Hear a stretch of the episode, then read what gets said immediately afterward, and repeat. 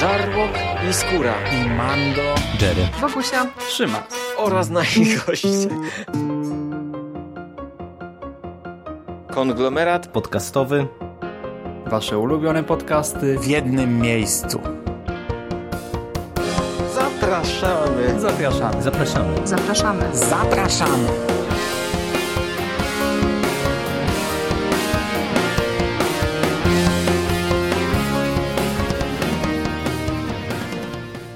Witam w kolejnym odcinku konglomeratu podcastowego. Z tej strony mówi do Was Michał Rakowicz, czyli Jerry. I dziś opowiem Wam o kolejnych dwóch tomach komiksu z serii Black Sat, czyli tomie drugim zatytułowanym Arktyczni oraz tomie trzecim Czerwona Dusza. Przyznam się, że ja do tego podcastu zbieram się już od dłuższego czasu, no bo będąc po lekturze tychże dwóch tomów doszedłem do wniosku, że bycie recenzentem to czasami jest naprawdę niewdzięczne zadanie. I oczywiście moglibyście powiedzieć, że e, można olać coś, co człowiekowi nie pasuje, czy o czym nie ma się zbyt wiele do powiedzenia.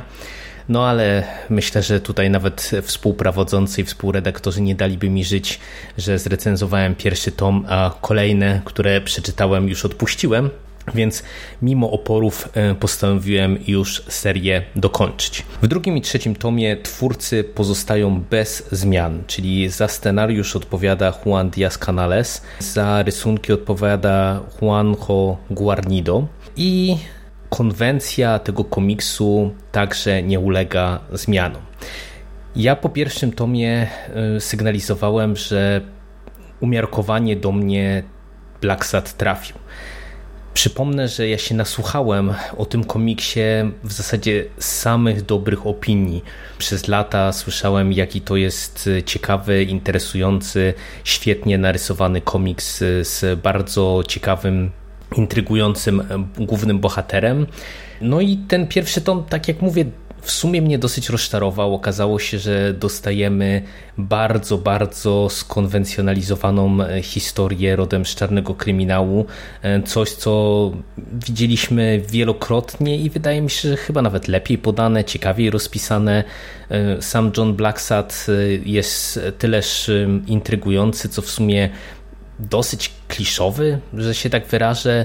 Na tamtym etapie nie widziałem w nim nic, co by e, czyniło go kimś innym niż standardowym przykładem detektywa właśnie z konwencji filmu czy powieści noir. No i w związku z tym wszystkim ja za te kolejne tomy, które częściowo już miałem, na częściowo na nie czekałem, bo przypomnę, że Egmont, który serię o Blacksadzie wydawał w latach 2001-2013 pierwotnie, wznowił tom pierwszy, drugi i czwarty. Ja tam się pomyliłem w tym wcześniejszym podcaście, bo chyba mówiłem, że wydali pierwszy, trzeci i czwarty, a właśnie wznowili pierwszy, drugi i czwarty. Czerwoną duszę zaserwowali nam w marcu, czyli tom trzeci.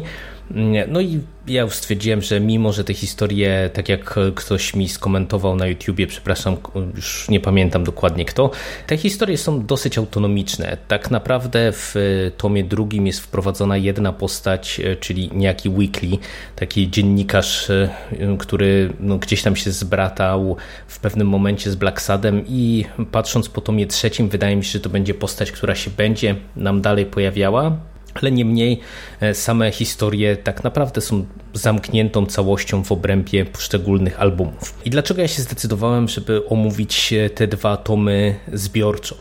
E, otóż dlatego, że wydaje mi się, że te dwa kolejne tomy tak naprawdę powielają wszystkie problemy, które ja zdiagnozowałem już przy pierwszej odsłonie.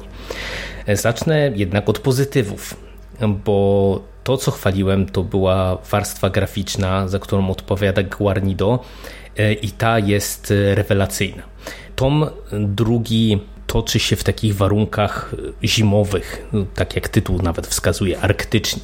Co prawda, e, samo to sformułowanie nie tyczy się zimy czy mrozu jako takiego, tylko pewnego rozwiązania fabularnego, o którym za chwilę ale mamy tutaj zupełnie inną stylistykę, inny klimat niż w tomie pierwszym i widać, że Guarnido naprawdę bardzo dobrze czuje się w tej obranej konwencji. Te antropomorficzne postaci są rysowane świetnie. I oczywiście one bardzo przypominają ludzi, ale też tutaj twórca dba o różnorodność. Wiele kadrów jest naprawdę kapitalnych. Tutaj w pewnym momencie mamy taki swoisty napad na sklep, gdzie pojawia się parę postaci takich drobnych gangsterów. Jest to tak kadrowane od dołu, że się tak wyrażę, no robi piorunujące wrażenie. Mamy kadr z Black Sadem siedzącym na takim daszku e, metra, który jest stylizowany na e, jeden, jedną z e, klasycznych i kultowych okładek komiksów z Batmanem i również to robi świetne wrażenie.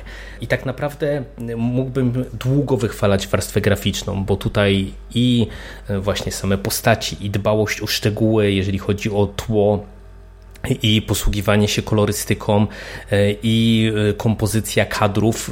E, wiecie, mamy tutaj do czynienia z bardzo klasyczną formułą narracji graficznej. To, to nie jest komiks, który gdzieś tam by pozwalał sobie na jakieś szaleństwo czy jakieś odstępstwo od normy. Nie, tutaj się trzymamy takiej naprawdę mm, znanej i sprawdzonej formuły, ale to absolutnie nie przeszkadza, no bo tak jak wspomniałem e, chwilę wcześniej, od strony fabularnej e, te komiksy są bardzo klasyczne, więc po prostu to się e, dobrze ogląda.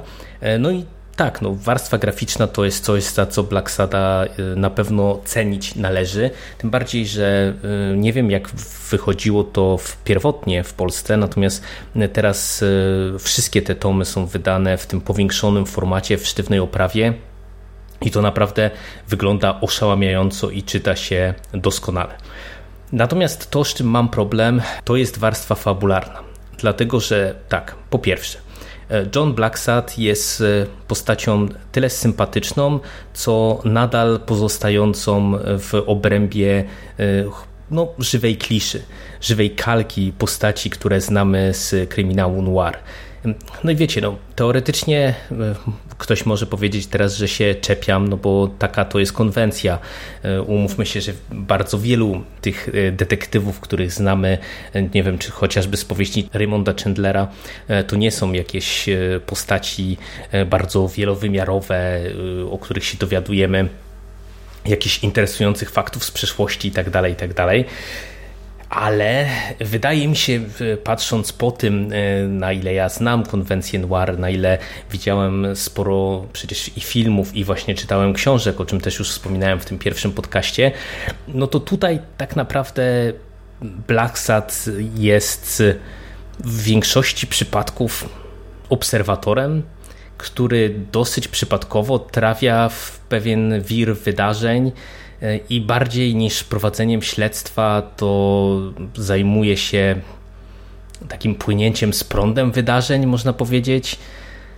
No i tak, no on jest sympatyczny, jest e, fajną postacią, którą się dobrze e, ogląda i śledzi jej poczynania, ale te wydarzenia nijak e, nie były w stanie zaangażować mnie emocjonalnie. Ja mu niespecjalnie kibicowałem ani w przypadku pierwszej sprawy, ani w przypadku sprawy drugiej. No i dochodzi nam ten weekly, czyli taki dziennikarzyna, taki e, trochę comic relief, e, trochę takie wsparcie dla Blacksada, ale e, na zasadzie kompletnego przeciwieństwa, no bo Blacksad wysoki, przystojny, wyszczekany, wysportowany, umiejący walczyć, weekly malutki, cuchnący, zajmujący się raczej podstępem, nieco obleśny i tak dalej, i tak dalej. Ta relacja pomiędzy tymi postaciami jest prowadzona nieźle, ale też w zasadzie nie wykracza poza e, takie naprawdę bardzo klasyczne tropy i motywy. Co do samej fabuły, no to niestety mamy dokładną kalkę tego, co było w tomie pierwszym. Czyli jeżeli e, znacie trochę konwencję e, kina noir, to tak naprawdę po pierwszych stronach już będziecie wiedzieli, z jaką historią mamy tutaj do czynienia.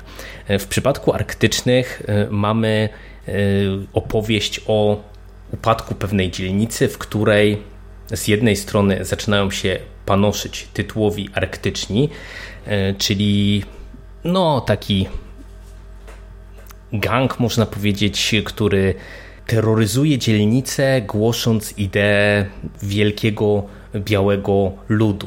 No, jeżeli macie w głowie mm, Aryjczyków z rodem z nazistowskich Niemiec, no to tak, to dokładnie tak jest zrobione. E, tutaj twórcy absolutnie nawet nie próbują mu dawać, że to jest coś innego. Te postaci są stylizowane na Adolfa Hitlera i jego popleczników, e, wyglądają identycznie, zachowują się identycznie, głoszą identyczne tezy. No i przypomnę, że tutaj w zasadzie akcja rozgrywa się z perspektywy naszej. Myślę, że to można by było umiejscowić krótko po e, II wojnie światowej, więc no to są jeszcze takie te resentymenty gdzieś tam świeże. No i Blacksat y, wpakowuje się w sam środek właśnie rozgrywki takiej politycznej pomiędzy tymi arktycznymi, a y, konkurującym z nimi gangiem czarnych, oczywiście stylizowanym bardzo mocno na, na czarne pantery. E, do tego e, wplątuje się w to jeszcze e, wielki biznes, wplątuje się w to tutejszy komisarz policji, no i pojawia się także pewien wątek prywatnej zemsty. Całościowo ta historia no, jest po prostu dosyć przewidywalna, dosyć klasyczna. Mamy niewiele jakichś takich naprawdę interesujących, zaskakujących momentów, które by spowodowały, że serce zabiłoby wam mocniej. W zasadzie tylko e, finałowy twist jest czymś, co naprawdę e, jest w stanie nas e, trochę wyrwać z tych oko okowów takiej sztampy. Przy czym ja akurat do niego mam sporo zastrzeżeń, bo e, to jest twist taki trochę z gatunku e, tych, które nijak nie są sygnalizowane, a kiedy się pojawiają, no to w pierwszej chwili e, myślisz sobie, drogi czytelniku czy widzu, mm, ok, to było faktycznie zaskakujące, jestem w lekkim szoku, ale jak się nad tym chwilę zastanowisz, to dostrzegasz, że w sumie to wszystko niespecjalnie ma sens. No i, i całościowo mimo że tutaj, mówię, jest i sporo akcji i sporo jakichś takich motywów, które powinny gdzieś tam chwytać za serce, mamy między innymi porwanie małego dziecka, mamy sceny rodem z e, jakiejś takiej akcji Ku Klux Klanu skierowanej przeciwko e, czarnym i tak dalej, i tak dalej. Mimo wszystko jednak się śledzi to na chłodno i, i no ja nie zostałem tutaj specjalnie poruszony. I y, kiedy sięgałem po czerwoną duszę, miałem obawy, że tutaj może być jeszcze gorzej, jeżeli chodzi o tą warstwę fabularną, bo jak tylko zobaczyłem tytuł Czerwona dusza, to od razu stwierdziłem, że y, okej, okay, to mieliśmy nazistów, to teraz będziemy mieli pewnie y, lata 50., 60. w Stanach Zjednoczonych i polowanie na komunistów. No i co dostajemy w Czerwonej duszy? Zgadliście, polowanie na komunistów. I ponownie e, scenarzysta tutaj absolutnie nawet nie próbuje ukryć e, tego, że e, na kartach komiksu, nie wiem, mamy chociażby senatora McCarthy'ego, bo postać, która wygląda jak senator McCarthy, cytuje senatora McCarthy'ego prawie że w słowo w słowo Mamy rozgrywkę pomiędzy właśnie e, senatorem e, polującym na komunistów, a e, taką grupką o lewackich nastrojach, wiecie, sztampa, artyści, wolne dusze, plus jacyś tam naukowcy i tak dalej, i tak dalej. Coś, co widzieliśmy wielo, wielo, wielokrotnie i tutaj ponownie scenarzysta absolutnie nie odchodzi od schematu, e, kiedy pojawia się e, pewien naukowiec e, i wątek broni atomowej, to tak, dokładnie możecie się domyślić już, jak się ten wątek skończy. No, całościowo ponownie, no, to, to jest historia, którą się śledzi, ale tak naprawdę ja zamknąłem komiks i czy jestem bogatszy jakkolwiek po tej opowieści? No nie sądzę. No, nie wiem, czy przemawia przeze mnie to, że ja po prostu naprawdę lubię konwencję noir i, i trochę różnych dzieł tej konwencji pochłonąłem i po prostu no, dla mnie tak wtórne podejście do tematu no, jest rozczarowujące. No, nie wiem na ile tutaj działają, działa też ten efekt y, w postaci tych superlatyw, na których się nasłuchałem przez lata na temat tego komiksu, no bo to jest trochę komiks no nie wiem, ale faktem pozostaje to, że ja jestem z lekka rozczarowany i po prawdzie mam duży problem z Black Sadem, bo z jednej strony to jest komiks, do którego y, ciężko mi się przyczepić. No bo wiecie, mamy naprawdę świetne rysunki. Ten komiks jest y, bajecznie wydany. I do tego to jest tak naprawdę pięć króciutkich tomów, więc to jest coś, co można usiąść i przeczytać w zasadzie na jedno powie- posiedzenie. Bohaterowie są sympatyczni. No ale komu ja mógłbym to polecić, tak się zastanawiam. No bo sam fakt, że tutaj nie ma za bardzo co zganić poza tą wtórnością kompletną, no to no to wiecie, to może to jest za mało na jakąś super niską ocenę, no ale też no ja na pewno wysokich not temu komiksowi nie wystawiam i jeżeli miałbym go komuś polecić, to wydaje mi się, że tylko dwóm rodzajom czytelników komiksów. Po pierwsze tym, którzy bardzo lubią fajną warstwę graficzną, no bo Black Sad to jest naprawdę pod tym kątem klasa sama w sobie i, i myślę, że dla warstwy graficznej pewnie po ten komiks warto sięgnąć przynajmniej po, po jakiś tam jeden tom, żeby zapoznać się z kreską Guarnido, no bo on robi robotę. No i ewentualnie tym, którzy lubią konwencję noir, ale niespecjalnie w niej siedzą, mówiąc kolokwialnie, albo, albo siedzieli i którym ta wtórność fabularna nie będzie przeszkadzała. No, przede mną dwa kolejne tomy. No i tak w duchu się śmiałem, odkładając czerwoną duszę, że no w tym momencie to trochę taki zestaw tych polityczno-społecznych tropów najpopularniejszych rozebraliśmy już na czynniki pierwsze, no bo mieliśmy wątek romansu w Hollywood, mieliśmy White Power i Ku Klux Klan, mieliśmy polowanie na komunistów, no to teraz przyjdzie scenarzystom trochę się wysilić. No i jestem ciekaw, co nam w tym kolejnym tomie zaserwują. Tak jak wspomniałem, ja czwarty tom mam u siebie.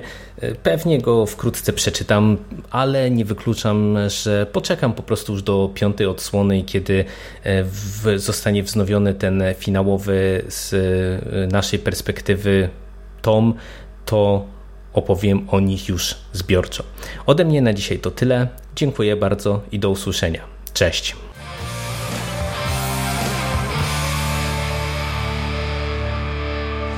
Finished? That's it, man. Game over, man. It's game over. What the fuck are we gonna do now? What are we gonna do? It's over. Nothing is over! Nothing! You just don't turn it off!